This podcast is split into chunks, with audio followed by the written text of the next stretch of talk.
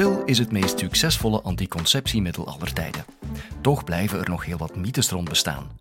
Je zou er minder goesting door krijgen, het zou ook niet 100% betrouwbaar zijn en je zou er dik van worden. Gynaecoloog Hendrik Camus van de VUB weet het als geen ander. Word je dik van de pil? Dit is de Universiteit van Vlaanderen.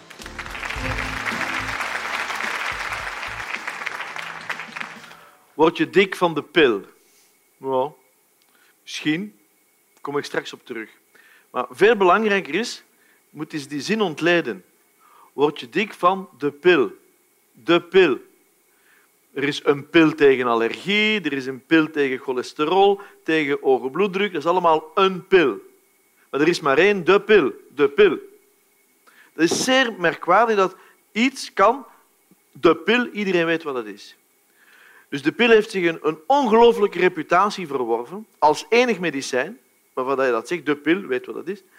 En ja, hoe komt dat? Wat is dat eigenlijk, de pil? Wel, uh, om een lang verhaal kort te maken, begin van de 20e eeuw werden de vrouwelijke hormonen ontdekt. Die waren er al natuurlijk, hè, maar die werden dan ontdekt. Het oestrogeen en het progesteron. En men begon te spelen met die hormonen om invloed te krijgen op de cyclus. En het is een Amerikaan, meneer Gregory Pincus, die um, in de jaren 50 experimenteerde met de pil, met de pil dus. En hij wordt genoemd als de vader van de moderne anticonceptieve pil. Maar eigenlijk de echte pionier was een Belg uit uh, Turnhout, Vlaming. En dat was meneer Ferdinand Peters. Die deed hetzelfde als Pincus. Hij zat te combineren met die twee vrouwelijke hormonen in een dosis oestrogeen en progesteron. Alleen waren zijn dosissen die hij gebruikte veel minder zwaar dan die van Pincus. De Pincuspil in der tijd, vrouwen waren daar kotsmisselijk van als ze dat innamen. Maar Ferdinand Peters maakte eenzelfde pil, maar met lagere dosissen. En hij ging in zee met de firma Schering, Duitse firma, die ondertussen opgekocht is door Bayer. En die firma maakte de pil Anovlar. En Anovlar verscheen op de Belgische markt op 1 januari 1961 en was de eerste anticonceptieve pil in ons land. Nadien zijn er uiteraard nog heel veel gevolgd, maar het gevolg van die pil was, en dat was zeer uniek, dat voor de eerste keer in de geschiedenis van de mensheid seksualiteit en voorplanting van elkaar konden gescheiden worden. En ik weet, het is vandaag de dag bon ton uh, om de pil zo ja, een beetje te lachen met de pil en ja, allemaal flauwekul. Beste dames, vooral beste dames, de pil is waarschijnlijk de grootste emancipator geweest in de geschiedenis van de vrouwenemancipatie. Door die pil konden vrouwen die na de oorlog, of tijdens de oorlog, Tweede Wereldoorlog, werden heel veel vrouwen in het arbeidsproces ingeschakeld omdat de mannen moesten gaan vechten. Na de oorlog kregen we de, ja, de economische jaren 50 met heel veel economie, de golden sixties, maar had zeer veel werkkrachten nodig. Vrouwen werden ingeschakeld in het arbeidsproces. En dat viel perfect samen met het feit dat die vrouwen in het arbeidsproces konden de pil gebruiken om hun kroost te spreiden. Fantastisch. De pil, beste dames en heren, heeft enorm bijgedragen tot de welvaart die we vandaag kennen. En het is ook niet um, verwonderlijk dat een paar jaar geleden uh, lezers van het, het, British Medical Journal werd gevraagd over het algemeen artsen wat zijn nu de, de belangrijkste medicijnen van de voorbije 150 jaar. En de top drie was één penicilline en twee stond de pil. Drie was chlorpromazine voor de liefhebbers om het volledig te maken. Maar dat, met andere woorden, de pil wordt beschouwd als een van de, de fundamenten uit de geneeskunde, de contraceptieve pil. Nu is de vraag, hoe werkt zo'n pil? Waarom werkt die? Waarom is die contraceptief? Moet ik toch iets vertellen over de vrouwelijke cyclus? Hoe zit dat in elkaar? Dat gaat als volgt. De hersenen, dus vrouwelijke cyclus, dat weet u, is iets ritmisch. Om de 28 dagen heeft een bioritme, zoals een dag- en nachtritme, een bioritme. Dus zo ook met de cyclus. En hoe gebeurt dat? Wel, de hersenen maken kleine hormonen en die hormonen stimuleren de eierstok. Even terzijde, eierstok is een geweldig idioot woord. Dat is geen stok, dat is een balletje. Een eierstok is ongeveer een balletje. Dus eierballetje zou een veel betere naam zijn. Het is trouwens teelbal, dat kent u, dat zegt men bal. Men zegt niet teelstok. Hè. Het is een teelbal. Een teelbal en een eierstok, eierbal, is eigenlijk hetzelfde. Een teelbal maakt mannelijk hormoon testosteron en maakt zaadcellen. Een eierbal, een eierstok, eierbal, maakt vrouwelijk hormoon en dus ook eicellen. Voilà. Dus dat is in feite vergelijkbaar. Men noemt dat trouwens de gonaden. Dus die hersenen die stimuleren die eierstokken, die eierballetjes. En wat doen die eierballen, die eierstokken?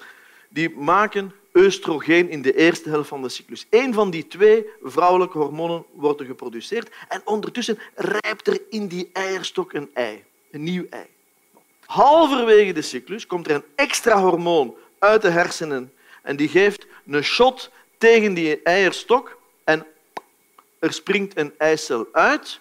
Vanaf dat moment wordt er een ander hormoon aangemaakt in de eierstok, namelijk het progesteron, en dat tot het einde van de cyclus. Wat heeft dat oestrogeen gedaan in die eerste 14 dagen van die cyclus? Wel, die heeft de binnenkant van de baarmoeder, dat slijmvlies, opgebouwd, dik gemaakt.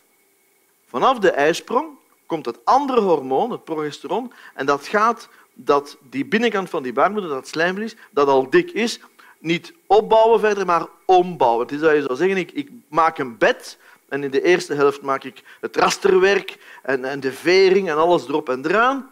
En in de tweede helft komt er een zacht matrasje op liggen. Bon. Wat is daarvan de reden? Wel, nu, wanneer er een bevruchting zou zijn, en hoe gebeurt een bevruchting? Zaadcellen komen van in de vagina, daar vertrekken ze doorheen de baarmoedermond, doorheen de baarmoederlichaam, passeren ze daar die binnenkant, gaan zo langs twee gaatjes in de eileider zo de buik in. En daar op het einde van die eileider, begin van de buik, als daar een eicel ligt, dan wordt daar een bevruchting gedaan en dan gaat die bevruchte eicel terug de weg doen in de eileider, komt aan in de baarmoederholte waar dat bedje gespreid ligt, kan zich daar innestelen en een zwangerschap kan groeien. Dat is de normale cyclus. Gebeurt bij zwangerschap. Gebeurt dat niet, is er geen bevruchting, geen probleem. Dan zakken alle hormonen en dan stoot gans die inhoud van die binnenkant van die baarmoeder, dat, dat bed stoot zich uit en dat zijn de menstruatie. De regels, met andere woorden.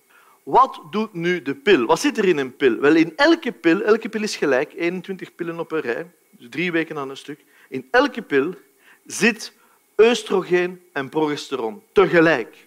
Dus in de natuurlijke cyclus heb je eerst het ene, dan het andere, maar in de pil zit het allebei tegelijk. Je neemt dat in, slikt dat in, en in je bloed komen dus oestrogeen en progesteron. Dus die hersenen denken, ik moet er niks meer doen, hè, want er is oestrogeen. Dus wat zou ik nog werken? Dus die hormonen die die hersenen, stimuleren, die die hersenen maken om de eierstok te stimuleren, die werken niet meer. De eierstok wordt niet meer gestimuleerd, want er is hormoon. Hersenen zeggen, zo, omdat er die eierstokken niet meer werken eigenlijk, is er ook geen ijsprong. En dat is het allerbelangrijkste wat zo'n pil doet. Een pil remt de ovulatie. Een pil remt de ijsprong. Dat is zijn allerbelangrijkste functie. Maar veronderstel, en dat bestaat, dat er zo uh, toch ja, zo af en toe men noemt dat een escape ovulation, zo. Een ovulatie in de duik, toch gebeurt. En dat er toch zaadcellen zijn eh, die daar gearriveerd zijn. En ja, er ontstaat een bevruchting. Wel nu, door het feit dat in die pil oestrogeen en progesteron samenzit, is dat bed wordt niet opgebouwd. Die een werken die andere tegen, die vechten om zo'n bed te maken en uiteindelijk ligt er nog niet eens een klein matrasje, ligt er ongeveer niks. Dus als die zwangerschap komt en die wil zich inbedden in dat, in dat slijmvlies van de binnenkant van de baarmoeder, helaas, er is heel weinig slijmvlies. Resultaat, en dat, de dames zullen dat weten, als je de pil neemt, dan daalt de hoeveelheid menstrueel bloed. Je hebt een dun tapijtje daar, een dun bedje. Slecht voor de innesteling. Tweede werking. Maar er is nog een derde werking. U heeft dat misschien al eh, ondervonden, maar vrouwen in de, in de vruchtbare periode, uh, dus, geen pil nemen, gewoon willen zwanger worden, vruchtbare periode, halverwege de cyclus, verliest men veel slijm. Zodanig veel zelfs dat sommigen een inlegkruisje nodig hebben. En dat slijm dat is geweldig interessant. Als je dat tussen duim en wijsvinger neemt, dat slijm, je kan daar enorme, zo enorm rekken. Je kan daar enorme werkelijk... Men noemt dat trouwens in het Duits de spinbaarheid. Dus de spinbaarheid van het slijm. En vroeger, lang geleden, keken vrouwen, namen wat slijm uit de vagina, rekten dat en zagen aan de hand van de rekbaarheid of ze vruchtbaar waren of niet. En hoe, hoe rekbaarder het slijm, hoe vruchtbaarder. Halverwege de cyclus. Wel, wat doet nu zo'n pil? En, en nog iets, nog iets ben ik nog vergeten. Zaadcellen vinden dat geweldig. Want in feite is dat, dat slijm, die slijmproductie, is niks anders dan om de zaadcellen die in de vagina liggen als een soort van touwladder naar binnen te laten lopen. Het is ontzettend makkelijk voor opgenomen te worden. Wat doet nu zo'n pil? Wel nu, die zorgt ervoor dat dat slijm niet meer, één, belangen niet overvloedig is, is zeer weinig slijm. En dat slijm is zo, ja, als je dat doet, klak, dat breekt al. Blijft hier zo een klein beetje hangen. Dat is zeer, zeer stug slijm dat niet meer spinbaar is. Waardoor zaadcellen veel moeilijker in de ingang, door de ingang geraken. Dus drie werkingen. Eén, het remt de ovulatie. Twee, het zorgt ervoor dat de inbedding zeer slecht verloopt. En drie, het maakt het de zaadcellen moeilijk om binnen te komen. Dat is de werking van de pil. Pil is goed. Pil heeft één groot probleem. Dat is, zoals men in tegenstelling tot een spiraal bijvoorbeeld, heeft de pil het probleem van wat men noemt de therapie trouw. Je moet een pil elke dag nemen. En ja, dat is wel een, een probleem, omdat mensen gemiddeld vergeten één pil per cyclus. Gemiddeld. Dus de pil wordt nogal eens, om niet te zeggen zeer regelmatig, vergeten. Het is een zeer goed contraceptief, maar je moet het wel iedere dag nemen.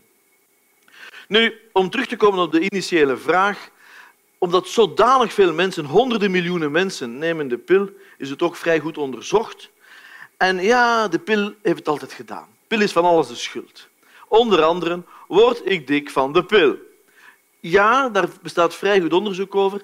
Ongeveer 10, 12 procent van de mensen die de pil nemen, zullen daarvan verzwaren. Waarom? Omdat progestagen in de pil zwengelt de eetlust aan. Verhoogde eetlust is gelijk aan verdikken. Dus wat moet je dan zeggen tegen die mensen? Nou, eet minder.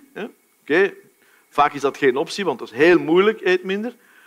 Betere oplossing is verander van contraceptief. Een tweede zaak dat je wel eens hoort bij de pillen is... Dokter, sinds ik de pil neem, heb ik geen goesting meer in seks. Met andere woorden, daling van libido.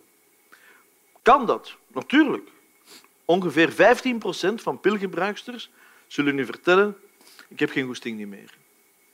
Wat kan je daaraan doen? Niks. Wat moet je doen? Veranderen van contraceptief. Iets anders gebruiken. Nu, ik moet u eerlijk zeggen, ik vind dat zeer merkwaardig. Ik zou denken dat veel meer vrouwen geen goesting zouden hebben door het nemen van de pil. Want, wat weet men? Dat is dat als je... Dat is uit evolutionair biologisch oogpunt. Dus wij redeneren, enfin, wij, de biologie rekent altijd in voortplanting. Het is heel normaal dat een vrouw meer goesting krijgt in seks rond de ovulatie. Dat dan de, zodanig is dat ze dan meer wil seks hebben, zodanig dat de kans op bevruchting groter is. Dat is heel logisch, want dan heb je het meest kans op een nakomeling. Kun je je voorstellen dat bijvoorbeeld uh, uw libido het hoogste is bij de menstruatie? Wat een domme zaak zou dat zijn uit biologisch evolutionair oogpunt. Dat is gelukkig niet zo. Maar dus inderdaad, er zijn vrouwen die, naarmate ze rond de ovulatie gaan, meer libido hebben. Met een pil, platte lijn, geen ovulatie, ze verliezen dat libido. Dat is zo bij 15 procent van de, van de dames. Nogmaals, ik vind het zeer raar dat dat niet bij meer dames is, maar bon, 15 procent. Aan de andere kant zijn er ook mensen, dat is ook ongeveer een 15 procent, die juist meer goesting hebben, omdat ze niet meer de schrik van ongewenste zwangerschap met zich meedragen. Dus dat zijn eigenlijk uh, twee zaken die je vaak hoort. Gewichtstoename, libidoverlies, die allebei inderdaad kloppen, maar in mindere mate als je het vergelijkt, als je ziet op de volledige hoeveelheid van mensen die de pil nemen. Is de pil veilig? Ja. Heeft de pil neveneffecten? Ja. Uh, trombose. pil verhoogt uw kans op trombose, vooral in de eerste twee jaar. Geen paniek, mensen. is ongeveer zes gevallen per, per 10.000 vrouwenjaar. Is dat veel? Ja, als je geen pil neemt, is het ongeveer de helft. Als je zwanger bent, is het ongeveer drievoudig. Dus ja, er is een verhoging van kans, maar panikeert niet. Neem eerder de oude pillen, de pillen uit de jaren 70, 80, zijn minder trombosegevoelig als het ware dan de moderne pillen die ook veel duurder zijn. Tweede zaak, waar mensen nog veel meeschrik van hebben, kanker. Krijg je van de pil kanker? Ja, nee, zeker niet. Wat je met de pil wel ziet, is dat mensen uh, minder van bepaalde soorten kanker zullen hebben en meer van andere. Er is een hoe dan ook correlatie tussen de pil en borstkanker. Is die grote correlatie? Nee, absoluut niet. 10% meer, 15% meer, naar gelang de studies. Maar er is wel een degelijk een effect van pilgebruik op borstkanker. Sommige mensen zeggen, begin daarom niet te vroeg met de pil, niet bij 13, 14-jarigen, de borst is niet volledig ontwikkeld, wacht er liever nog een beetje mee. Ja, daar is veel voor te zeggen. Aan de andere kant zie je dat mensen, omdat die eierstokken niet meer werken bij pilgebruik, is de kans op eierstokkanker die is gedaald. Redelijk serieus gedaald. En, nog zoiets, de kans dat je aan kanker krijgt van die binnenkant van die baarmoeder, die ook dunnetjes is, die is ook flink verminderd. Dus je hebt meer kans op borstkanker, maar je hebt minder kans op baarmoederkanker en je hebt minder kans op eierstokkanker.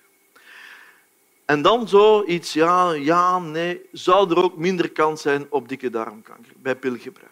Dus globaal, en die, die studies zijn ook gedaan, als je vrouwen bekijkt over hele lange periodes, je neemt duizenden vrouwen hier in deze groep die de pil neemt en je vergelijkt ze met duizenden vrouwen die even, even oud, evenveel roken, even dit, even dat enzovoort, vergelijkbaar met andere woorden, zijn die de pil niet nemen, dan is de levens, zelfde sociale klasse, dan is de levensverwachting van die beide groepen van duizenden vrouwen exact dezelfde. Dus door de pil ga je niet langer leven en je gaat er ook niet minder lang door leven, gemiddeld. Dus met andere woorden, beste mensen, have mercy met de pil. Ze heeft ontzettend veel betekend voor onze welvaart en nog steeds, en ik zou zeggen, uit respect moet ze blijven bestaan. Nog een kleine tip. De moderne pillen, de, de nieuwste pillen, zijn eigenlijk veel te duur voor wat ze zijn. Als je echt zegt, ik hoorde daar straks nog iemand zeggen, ja, pillen zijn toch wel duur. Klopt, de oude pillen zijn even efficiënt, zeker, hebben minder neveneffecten, maar zijn stukken goedkoper. Denk je dat je na dit college toch maar liever wil overschakelen naar het spiraaltje? Professor Camus legt uit hoe dit werkt in het college Wat hebben stenen en kamelen met het spiraaltje te maken? En dat is ook als een podcast te beluisteren. Check op iTunes, Spotify, knak.be of radio1.be.